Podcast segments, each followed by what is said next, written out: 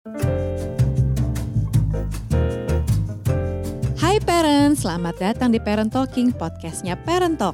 Kita akan berbagi cerita tentang the truth of parenting dan juga mengundang para expert untuk mendapatkan insight terbaik. So, untuk kamu parents yang ingin sama-sama belajar seputar parenting, sit back, relax, and listen up to our podcast.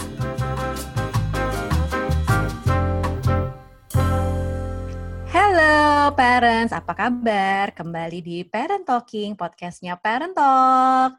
Hari ini aku mau ngobrol-ngobrol soal mertua. Nah, ini pasti kalau udah ngebahas soal mertua, banyak nih yang merapat kayaknya. Tenang aja. Kita di sini bukan mau apa ya eh, curhat-curhat negatif soal mertua enggak, tapi justru pengen curhat positif soal mertua. Sebenarnya juga lebih dari ke apa ya pengalaman aku sendiri. Uh, menjalani atau punya mertua hubungannya seperti apa dari sebelum nikah, pacaran gitu ya, terus setelah menikah dan setelah punya anak. Karena ini tuh sebenarnya kayak fase. Tadinya kita nggak kenal dengan mertua gitu kan, terus begitu nikah, oh jadi lumayan tahu dan sebenarnya sebaliknya. Untuk mertua mengenal kita juga mungkin kadang-kadang ada yang wow mantu gue seperti ini ya gitu kan. Jadi sebenarnya kita mungkin sama-sama di level yang kaget di awal-awal pernikahan gitu ya. Terus belum lagi begitu punya anak Wah, udah deh, tambah lagi tuh. Nah, ini tambahnya tambah apa? Mungkin nanti kita akan ngobrol-ngobrol nih dengan expertnya. Tapi kalau aku ceritain juga bahwa pengalamanku dengan mertua, memang di awal-awal kita ada penyesuaian yang nggak gampang gitu ya buat uh, sebuah relationship. Karena mungkin pasanganku sendiri nih, suamiku udah lumayan beberapa tahun sebelum menikah tuh udah nggak tinggal di rumahnya. Jadi udah terbiasa tinggal sendiri gitu. Jadi dengan pengalamannya tinggal sendiri, uh, dia sendiri juga mungkin ada jarak dengan dengan orang tuanya begitu membawa aku sebagai pacar gitu kan. Ya udah kita kenal kayak ya hello goodbye baik aja gitu kan. Terus begitu udah menikah ya memang nggak terlalu segitu deketnya di awal-awal gitu. Tapi memang ada usaha nih kayaknya dari mertuaku untuk dekat dengan aku. Begitu juga aku usaha untuk tetap dekat sama mertua dan lain-lain. Tapi tapi di pengalamanku gimana pun ya, namanya mertua kayaknya memang ada bedanya dengan orang tua sendiri tentu ya, karena kan rumah juga beda gitu. Tapi e, caranya misalnya nih mamaku nih sangat lembut banget orangnya. Nah, kalau ketemu dengan mertua yang mungkin e, agak beda karakternya, buat aku agak kaget di awal gitu. mungkin bukan cuma mertua doang sih sama pasangan juga kita kan kalau misalnya terbiasa di rumah dengan lingkungan yang lembut gitu kan dengan lingkungan yang warm terus tiba-tiba ketemu dengan pasangan yang agak beda gitu agak kaget sih ada kagetnya. Tapi nggak apa-apa juga di situ kan memang kita belajar tentang orang lain gitu ya. Dan uh, di awal-awal seperti itu tapi aku tuh ada usahanya waktu itu aku dan mertua sampai kita berlibur berdua aja Terus aku nemenin mertua karena kebetulan mertuaku tuh demen banget sama F1 gitu. Dan di situ aku mencoba beberapa hari kenal dengan mertuaku ini gitu. Dan begitu mungkin begitu juga sebaliknya ya buat mertuaku juga mungkin belajar kita di satu kamar yang sama terus berhari-hari bareng mungkin ya ada plus minusnya dari dari menantu ini gitu ya. Nah tapi begitu berjalan punya anak ya ada idealisme pola asuh dari aku sendiri yang mungkin pada saat itu ideal banget gitu jadi begitu ada pola asuh yang agak beda dari orang tuaku sendiri atau mertuaku, ya itu agak-agak lumayan apa istilahnya ya slack-slack gitulah gitu. Nah untuk lebih lanjutnya tentang curhatan uh, aku dan mertua, aku pengennya sih ada expertnya di sini. Aku panggilkan langsung saja Mbak Ayang Irma, seorang psikolog anak, remaja, dan keluarga. Halo Mbak Ayang, apa kabar? Halo Mbak Nucha, kabar baik. Gimana Alhamdulillah, kabarmu? baik Mbak Ayang. Semoga selalu sehat ya. Iya Mbak, semoga Mbak Ayang juga ya. Mbak Ayang, ini kan curhatan banyak sekali nih ke Parent Talk seputar hubungannya eh, apa menantu dan mertua wow. gitu ya. Mbak Ayang sendiri gimana sih? Mbak Ayang pengalamannya pasti kan lebih lebih jauh nih dari kita kita. Pengalaman secara pribadi dan mm -hmm. uh, penanganan kasus ya, profesional yeah. ya. Jadi sebenarnya uh, kalau kita bicara soal relasi dengan mertua ini kan adalah hubungan yang unik ya, Mbak Nucha. Jadi memang uh, karena memang masing-masing ini kan dengan latar belakang uh, pola pendidikan yang berbeda, kemudian juga uh, gaya kepribadian, pengalaman-pengalaman personal, tentu ini akan mempengaruhi bagaimana cara kita berinteraksi dengan orang baru yang masuk dalam kehidupan kita. Jadi memang nggak akan pernah ada mertua ideal dan juga nggak akan ada uh, apa namanya menantu ideal ya jadi intinya belajar untuk menjadi ideal perlu tapi kita nggak perlu banget sampai harus menciptakan atau mengkondisikan segala sesuatu sehingga membuat kita sendiri jadinya nggak nyaman. Jadi uh, tetap uh, realistis aja. Nah kalau dari pengalaman pribadi uh, memang kami sebetulnya adalah pasangan dari latar belakang budaya yang sama sebenarnya. Tapi walaupun hmm. dengan budaya yang sama, karena kami sama-sama dari uh, Sumatera Barat, tetap loh yang namanya uh, friksi gitu ya, slack-slack dikit tadi katanya Mbak Nusa, itu tetap tetap terjadi kok gitu karena kan uh, beda latar belakang ke, apa keluarga itu mempengaruhi bagaimana kitanya ya. Lalu kemudian juga kan beda beda generasi juga ya, baby Betul. boomers dan kemudian kita generasi uh, X, uh, Y itu pasti agak agak lebih sulit. Nah, jadi uh, memang banyak hal yang perlu kita lakukan dan banyak sekali juga klien-klien yang datang dengan persoalan rumah tangga itu ternyata memang pemicunya ada pada masalah komunikasi dengan uh, menan, uh, apa, mertua begitu. Jadi uh, akhirnya beberapa memang uh, muncul konflik pernikahan itu dipicu adanya keterlibatan mertua yang terlalu dalam dan terlalu intens dan kemudian si si, si apa si individu ini uh, merasa hmm. tidak nyaman, kemudian protes dan lain sebagainya akibatnya memang terjadi disharmonisasi. Jadi uh, konflik pasti terjadi, tapi bagaimana kita sebagai menantu yang lebih muda sebenarnya ini lebih bisa menyikapinya dengan lebih positif dan lebih baik sih, karena uh, kita yang dituntut untuk bisa menyesuaikan dengan keadaan gitu. Oke, jadi hmm. sebenarnya ya memang mau di kondisi keluarga sekalipun atau bukan uh, keluarga tetap aja namanya komunikasi ya kuncinya mau kita ke misalnya ke bos kita, mau kita ke guru-guru sekolah, mau kita apa pun, apalagi di dalam keluarga yang penting adalah komunikasi. Tapi mungkin nih yang jadi masalah selain komunikasinya nggak nyambung karena latar belakang yang berbeda tadi, Mbak, mungkin intonasi dan lain-lain itu hmm, gimana ya Mbak? Kayaknya suka ada rasa senioritas misalnya gitu ya dari mertua yeah. sehingga menantu nih merasa misalnya nih ada yang interior dan uh, superior gitu kan. Mm -hmm. Jadi nih menantu ngerasa kayaknya suka nih uh, dalam tanda kutip ya kayak diinjak sama mertuanya misalnya kayak gitu. Ada yang suka ngerasa kayak gitulah gitu. Mm -hmm. Kalau seperti itu gimana Mbak? Mm -hmm. Ya, yang paling penting sih kita gini loh. Jadi kita tuh jangan merasa bahwa uh, mertua kita itu atau ibu mertua gitu ya, mm -hmm. uh, itu adalah adalah kompetitornya kita gitu. Jadi hmm. mereka itu bukan kompetitor kita gitu. Dan dan kalau kita sudah punya perasaan bahwa ini ada persaingan dalam relasi untuk merebut perhatian pasangan kita, itu pasti nanti dampaknya jadi negatif.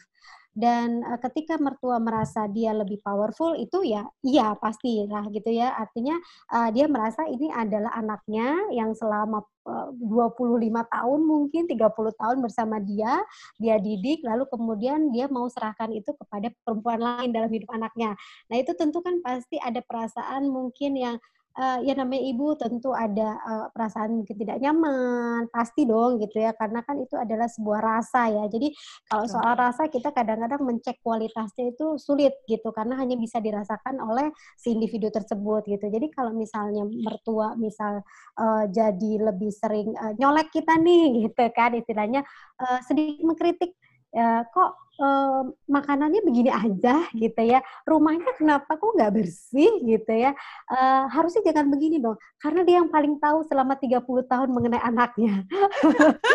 Jadi ketika ada perempuan lain kemudian masuk ke dalam hidup putranya gitu ya atau misalnya putrinya tentu kan dia pasti ada rasa ini nggak begitu saya mendidiknya. Nah jadi ketika itu muncul uh, statement-statement seperti itu ya mungkin karena spontanitas terus kemudian tadi benar tone tone itu penting. Jadi tonality kalau kita tuh bilangnya tonality Mbak Nucha. Jadi mm-hmm. tone itu bisa sebagai friends ya, sebagai teman, tonality-nya bisa sebagai instruksi terstruktur, tonality sebagai orang yang lebih apa namanya otoriter itu sangat bisa. Nah, jadi kitanya nggak perlu yang baper banget sih begitu. Jadi mencoba mencerna ketika ada kritikan, jangan dilawan dulu, mencoba memahami situasi, lalu kemudian menghayati dulu gitu. Jadi jangan langsung balik baper, terus itu itu reaksi-reaksi yang reaktif itu gampang sekali dilihat oleh mertua kita gitu ya. Jadi walaupun hmm. kita ngasih e, enggak gitu sih mah gitu ya, enggak gitu hmm. mah gitu. Tapi enggak gitunya versi kita sama nggak gitunya versi mama mertua beda, ya? beda gitu karena ya itu tadi 30 tahun saya tahu anak saya terus sekarang kamu yang baru kenal lima tahun terus lo mengajarin anak saya gitu mengajarin saya nah jadi uh, intinya adalah memahami situasi dulu. Bukan berarti dia nggak sayang. Sebetulnya dia tuh pengen ngasih tahu tapi cara ngasih tahunya memang nggak sesuai nggak fit in sama kebiasaan kita. Nah jadi uh, ya coba dicerna dulu aja gitu kan. Dan jangan menganggap uh, dia kompetitor dan uh, jangan menganggap juga dia lebih superior daripada kita. Itu itu jangan. Karena itu adalah mindsetnya kita kan. Berarti kitanya nih Mbak Nuca yang harus bisa membingkai, uh, memformulakan uh, apa ya pikiran-pikiran kita sendiri. Sehingga outputnya itu terlihat lebih soft walaupun kita di dalamnya hard banget nih di hati ini kayak udah udah aduh udah nyesek banget atau pikiran tuh udah yang pengen marah. Cuman kita uh, cerna dulu supaya lebih soft aja keluarnya Gitu. Aku penasaran deh, pernah ada nggak risetnya berapa banyak sih konflik yang terjadi antara menantu perempuan dengan mertua perempuan? Atau misalnya antara menantu laki-laki dengan mertua perempuan atau mertua laki-laki gitu. Ada nggak sih Mbak surveinya?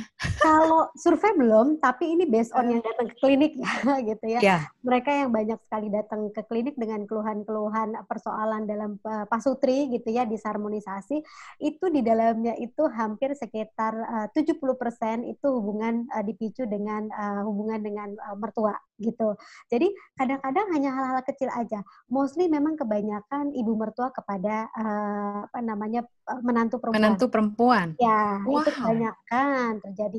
Karena balik lagi ya, yang lebih punya sensasi rasa untuk mengasuh anak-anaknya adalah ibu kan.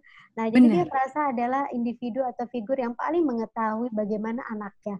Luar dalam anaknya itu ibunya paling mengerti dan paling memahami. Dan kemudian ketika menantunya ini dianggap tidak bisa mengimbangi eh, apa yang pernah dia lakukan untuk memberikan kepuasan kepada anaknya, nah itu dia bisa bisa dengan sangat spontan. Kemudian dia mungkin atau bahasanya nggak ada tendek aling-alingnya deh gitu kan langsung nyerang gitu ya padahal mungkin nggak nyerang juga cuman caranya aja seperti itu begitu untuk menunjukkan kritiknya nah jadi kebanyakan memang e, kalau di kasus-kasus klinik itu lebih banyak yang e, e, menantu ibu mertua dengan menantu perempuan Gitu. Oh gitu. Nah Mbak, dalam hal konflik atau ada friksi tadi ya, menurut Mbak yang sendiri, sebenarnya yang uh, yang perlu untuk aware atau mulai memahami perbedaan tersebut dan mulai melunak gitu ya harusnya dimulai dari siapa sih? Dari yang lebih senior dulu kah alias mertua? Atau justru kita yang muda-muda ini sebagai menantu yang harusnya mm-hmm. lebih memahami perbedaan values tadi kita mulai baik gitu dan lain-lain. Sebenarnya siapa yang harus mulai? Start pointnya kita dulu. Berarti kita harus acceptance Oke, okay, jadi yang pertama paling penting adalah acceptance situasinya, menerima bahwa uh, oke okay, ini adalah situasi yang yang terjadi dan berpotensi akan menimbulkan konflik. Jadi -hmm. kalau kita sudah bisa menerima bahwa ini adalah sebuah keadaan yang tanda kutip perlu kita waspadai, maka kita harus atur strategi kitanya ya. Karena kalau kita bicara mengenai mertua, which is itu kan usianya juga sudah menjelang uh, sudah manula ya, istilahnya 50 tahun ke atas. Uh, karakter sulit berubah ya. Yang harus dilakukan adalah uh, pola pendekatan terhadap mereka. Karena mereka lama-lama uh, kan pola-pola perilakunya itu lama-lama menurun seperti kembali ke anak-anak. Sehingga treatmentnya kita kepada mereka ya kita balik lagi bagaimana kita nge-treat anak-anak kita. Jadi walaupun mereka cranky ya, kadang-kadang rewel, pengen diperhatikan, belum lagi sakit ya. Berarti kita pola pendekatannya harus bisa menyesuaikan. Oh, jadi kalau misalnya seperti ini mungkin dia lagi butuh untuk diperhatiin atau mungkin harus ditelepon atau kadang-kadang uh, bawain makanan gitu. Walaupun mungkin setelah makanan itu datang mungkin dia cocok, tapi at least minimal kita coba ya sama aja dengan anak-anak kita. Kadang-kadang kita suguhin makanan nggak cocok juga buat dia, tapi minimal pola-pola pendekatan secara afeksi gitu ya, secara hmm. kasih sayang itu kita tunjukkan. Nah, itu akan mempengaruhi uh, apa namanya uh, pola pemikirannya dan perasaannya. Nah, kemudian kalau pola pemikirannya dia merasa bahwa menantunya ini memberikan perhatian lebih, perasaannya menjadi lebih positif. Kalau perasaannya lebih positif, perilaku yang tampak di luar juga lebih bisa dia manajemenin gitu. Artinya dia lebih bisa mengelola diri untuk tidak secara spontan mengkritik, misalnya menantunya di depan arisan keluarga ya, atau misalnya di depan suami kita gitu. Jadi istilahnya eh, bagaimana kita mentreatment men, uh, mertua, itulah yang biasanya uh, akan mempengaruhi bagaimana kualitas mertua terhadap kita gitu. Ah, pas banget nih. Berarti itu aku juga bisa kasih saran nih ke parents lainnya bahwa kalau tadi caranya Mbak Ayang adalah misalnya bawain kue ke rumahnya ketika kita berkunjung atau misalnya kita pesenin makanan favoritnya, tapi Bumin saranin juga bisa belanjain kebutuhan mertua nih sesekali aja gitu ya. Walaupun saat ini nih sekarang kita lagi apa berjauhan atau mungkin yang misalnya masih tinggal serumah gitu ya, sekarang makin gampang untuk belanja. Jadi nggak perlu lagi ke supermarket, tinggal langsung buka aplikasi aplikasi langsung diantar gitu. Kalau misalnya aku biasanya pesen di Happy Fresh.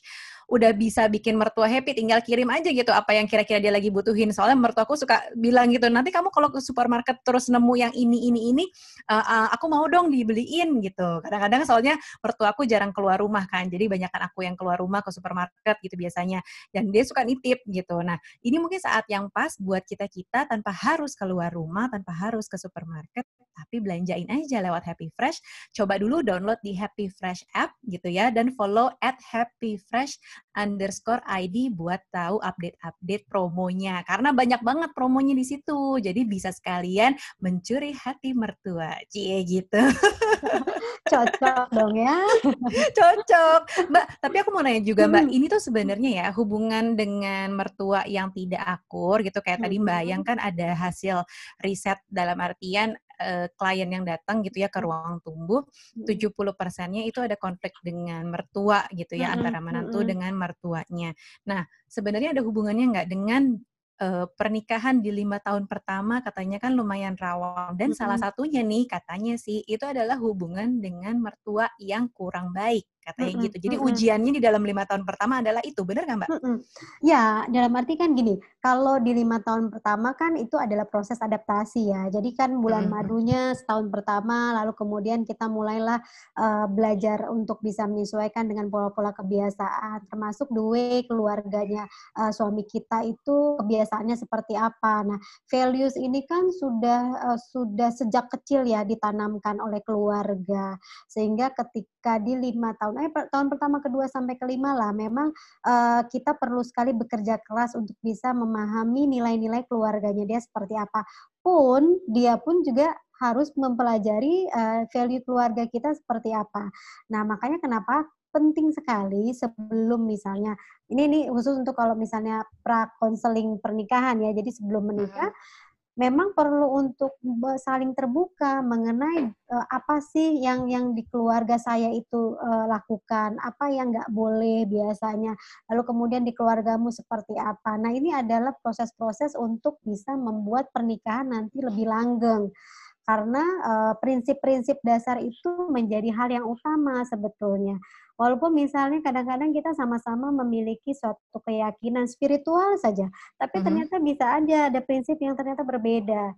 Nah, jangan sampai di perjalanan kita untuk uh, apa ya membuat pernikahan harmonis, tetapi terganjal oleh ada satu dua value yang sebenarnya prinsip sekali, jadinya nggak matching gitu. Kasihan kalau ada anak gitu. Betul. Nah, makanya kenapa uh, banyak sekali loh Mbak Nuca ini kasus-kasus yang baru tiga tahun, empat tahun, lima tahun, terus kemudian memis uh, be, apa, berpikir untuk berpisah begitu karena uh, perbedaan prinsip dan sebetulnya masih sangat bisa kok dikomunikasikan gitu. Hmm, aku juga belajar ya Mbak di aku Mhm. sekarang nih tahun ini insya Allah 8 tahun pernikahan dan menurutku Mhm. memang lima tahun pertama tuh lumayan cukup berat lah gitu dan bener-bener Mhm. posisinya di tahun kelima menurutku sangat berat tuh pada saat itu Mhm dan mhm. memang salah satunya adalah uh, yang men- yang menjadi ganjalan adalah hubungan dengan mertua gitu karena aku merasa kok kayaknya ada perbedaan ya value-nya kita dan lain-lain gitu kan terus namanya juga baru nikah waktu itu tahun-tahun pertama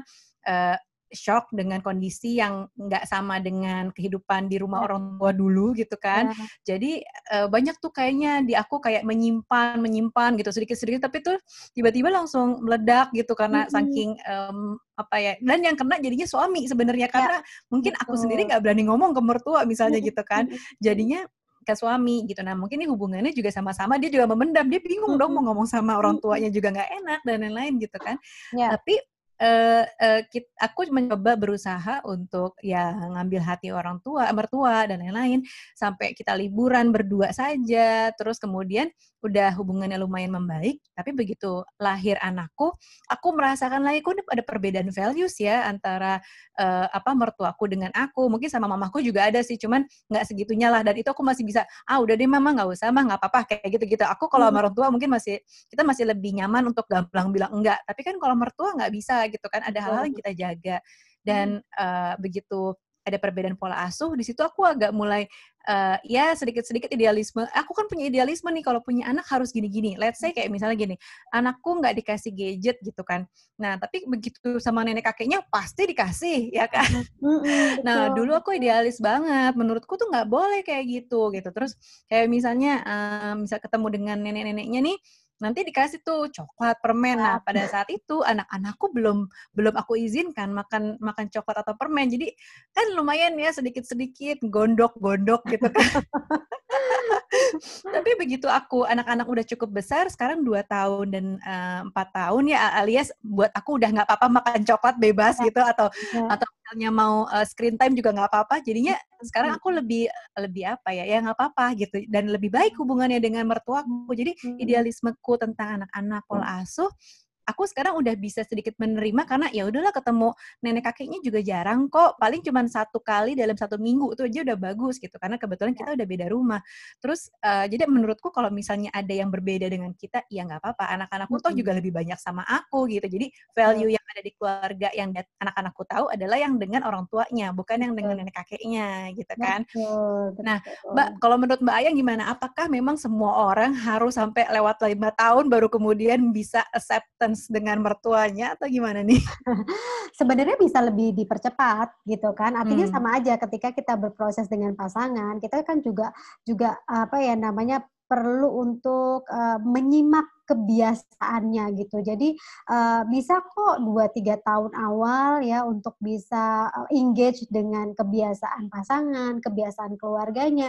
Nah, makanya kenapa di tahun-tahun pertama kita juga perlu lebih banyak dekat nih buat, eee, ke keluarganya suami gitu. Jadi jangan jaga jarak dulu gitu kan. Jadi kadang-kadang kita memang sudah overthinking ya, khawatir kalau kita terlalu Betul. terlibat nanti dianggap sebagai, eee, menantu yang, eee, mungkin sok tahu lah, lalu Mhm. Kemudian kok sok asik gitu ya, eee, baru Mhm. juga nikah gitu. Tapi sebenarnya dengan sikap yang nice tadi ya, mungkin, eee, seminggu sekali kita bisa datang ke tempat mertua dengan membawa mungkin suguhan-suguhan atau mengirimkan sesuatu, itu juga Mhm. sebetulnya adalah bentuk perhatian. Karena kalau kita bicara mengenai bahasa cinta, salah satunya kan adalah servis pelayanan Mhm, ya. bener. Jadi dengan mengirimkan gift, kemudian melakukan pelayanan, itu sebetulnya sudah simbolisasi bagaimana kita bisa belajar mencintai mereka.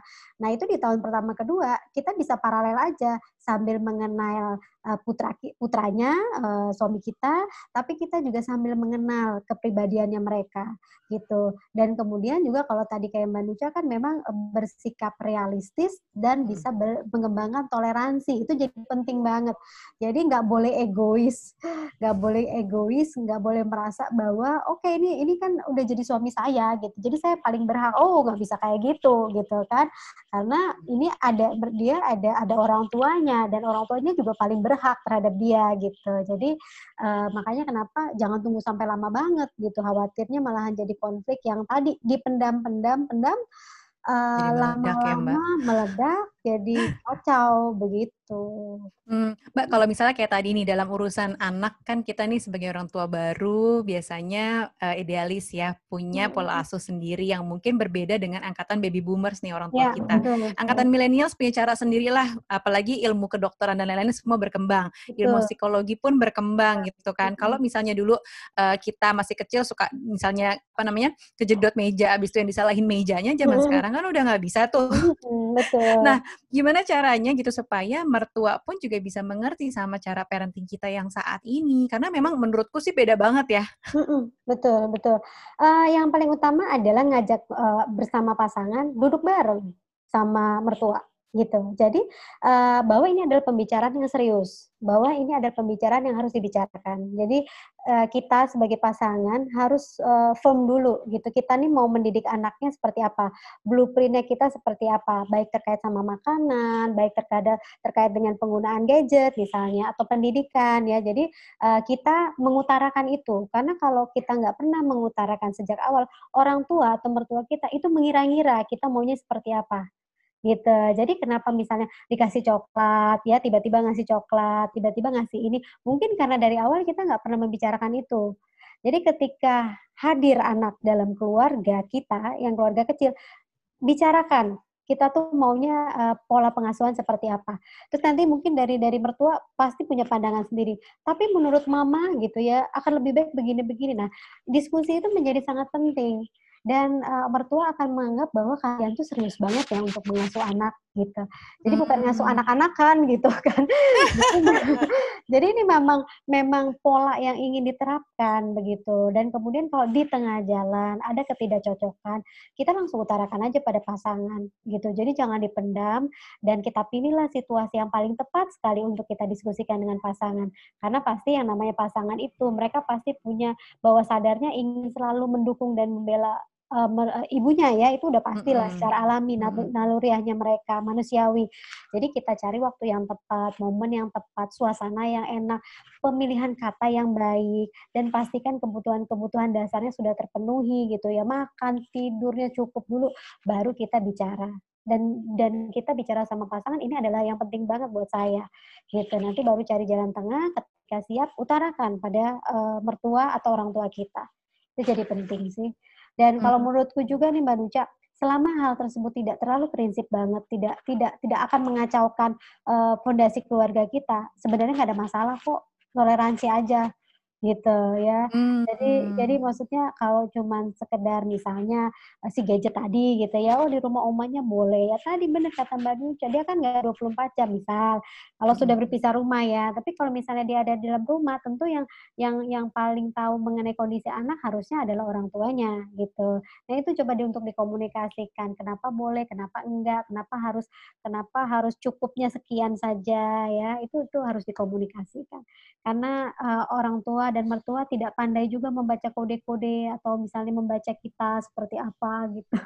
Bener sih, bener banget uh, uh. Mbak. Dan memang uh, kadang-kadang mertua kita jauh lebih sensitif karena ya faktor umur gitu. Betul. Ketika umurnya udah 50 tahunan lebih ya udah pasti uh, secara badan juga udah nggak sekuat dulu, terus kemudian uh, sensitivitasnya meningkat karena hmm. mungkin lebih banyak yang dipikirin kan dia merasa biasanya berdaya tiba-tiba saat ini misalnya udah jadi muncul banyak penyakit dan lain-lain belum lagi masalah finansial biasanya kalau udah tua gitu kan dan lain-lain jadi justru kenapa itu sensitif mungkin emotional baggage-nya juga udah banyak sebagai ya, orang tua gitu kan sebagai mertua. Nah, ketemu sama kita nih mm-hmm. yang muda-muda kadang-kadang mungkin anggapannya para yang udah tua-tua, wah ini anak-anak muda, anak kecil baru punya anak aja juga gitu iya. kan. Aku nih yang lebih tahu biasanya gitu. Karena ya. ngerasa e, kamu dulu aku kasih terus kok e, apa misalnya makan permen coklat nggak apa-apa kan kamu baik-baik aja karena kamu masih hidup kan sampai sekarang kayak gitu-gitu.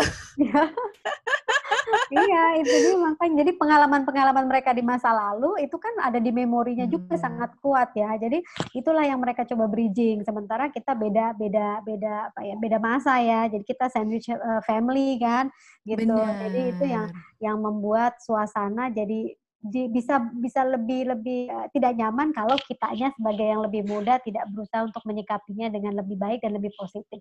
Dan juga jangan dimasukin ke hati sih. Jadi dengerin aja terus kemudian ya udah di, dicerna sebentar, jangan sampai mengendap di hati karena kalau sampai mengendap di hati itu pasti akan sangat gak nyaman sekali buat relasi dengan pasangan juga terutama gitu. Betul. Nah, terakhir nih Mbak Ayang, hmm. ada nggak tips buat kita-kita uh, pasangan yang baru banget punya anak? Biasanya nih konflik-konflik di awal-awal banget soalnya. Iya. Yeah. gitu atau mungkin yang udah lama juga nggak apa-apa hmm. agar bisa menjalin hubungan yang baik dengan mertua yeah. atau misalnya bisa bikin mertua happy. Ya, yang pertama ya kita harus belajar untuk mengakrabkan diri. Kalau sekarang belum akrab ya coba untuk diakrabkan. Bagaimana mengakrabkan diri? Jadi mengetahui kebiasaannya, mengetahui apa yang dia senangi ya, kemudian memberikan pelayanan dan uh, servis ya artinya servis ini juga bisa berupa uh, apa gift ya, mungkin juga kata-kata, di telepon setiap hari.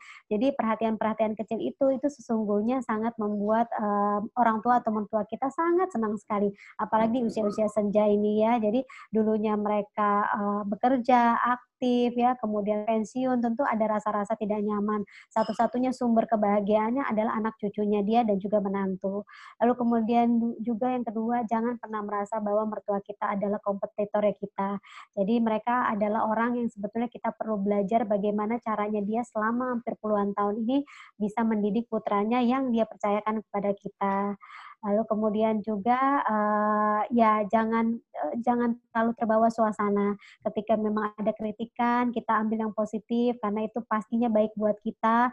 Uh, jangan terlalu merasa bahwa ini menjatuhkan, kemudian uh, membuat kita menjadi tidak berdaya sehingga kita jadi insecure. Tapi coba kita bisa flip flop itu menjadi sebuah hal. Oke, okay, ini berarti sebuah pertanda saya harus mengoreksi diri kembali. Dan kemudian yang ketiga adalah uh, jangan pernah menceritakan keburukan keburukan mertua kepada orang lain. Itu yang paling penting. Atau curhat-curhat di media sosial ya. Curhatlah pada pada orang yang tepat. Mungkin bisa diskusi dengan pasangan, tapi temukan kalimat-kalimat yang positif, kalimat yang bijak, dan di suasana yang tepat. Jadi kurang lebih seperti itu Mbak Nika. Ah, adem banget sih. Terima kasih loh Mbak Ayang untuk iya, tips-tipsnya. Menurutku ini tipsnya sangat praktikal dan buat teman-teman yang mungkin uh, masih mengalami kesulitan uh, berkomunikasi yang baik dengan mertua, nggak apa-apa step by step kok pelan-pelan banget. Karena memang uh, untuk hubungan yang baik tuh butuh waktu yang cukup panjang gitu ya. Tapi jangan menyerah karena gimana pun mertua itu adalah orang tua kita juga. Dan mungkin pasangan kita nih juga bisa menjadi salah satu buffernya. Kalau misalnya kita ada hubungan yang enak dengan mertua coba mungkin keluarin sedikit-sedikit curhat sama pasangan tanpa harus marah-marah, tanpa mungkin bikin hubungan jadi nggak enak, tapi ya sekedar curhat aja gitu, biar kita sendiri nggak ngendap dan pasangan kita juga biar tahu lah. Tapi sebaiknya tetap dijaga komunikasi dengan orang tuanya gitu, jangan sampai jadi menjauh atau mungkin jadinya marah-marah gara-gara kita gitu kan, tetap hati-hati. Nah aku juga punya tips lainnya menambahkan bayang supaya bikin mertua happy. Biasanya nih gampang banget, cuman kayak kirim videonya anak-anak yang lagi lucu-lucu, kirim deh ke, ke mertua kita, kirim ke orang tua kita. Pasti mereka tuh happy ngelihat cucunya gitu kan. Atau sekedar video call setiap hari, atau mungkin uh, mungkin satu minggu dua minggu sekali sempatkan main ke rumahnya gitu, bawakan. Misal tadi Mbak Ayang bilang uh, ada kue-kue atau dan lain-lainnya, kita kirim belanjaan yang dia lagi pengen itu juga boleh banget jadi selalu banyak cara menuju Roma. Celah gitu. Oke, okay, kalau gitu terima kasih banyak Mbak Ayang. Buat parents yang mau ngobrol-ngobrol lebih lanjut dengan Mbak Ayang, bisa lihat di Instagramnya @ayangirma atau misal uh, bisa juga untuk ngobrol-ngobrol uh, seputar keluarga dan parenting ya Mbak ke @ruangtumbuh underscore id ya Mbak ya. ya. Dot id, sorry. Dot id. Ruangtumbuh dot id gitu. Oke, okay, kalau gitu terima kasih Mbak Ayang. Sehat selalu. Terima kasih Mbak Nucha atas waktunya dan kesempatannya. Sehat juga ya. Sehat juga Mbak Nucha. Bye. Bye.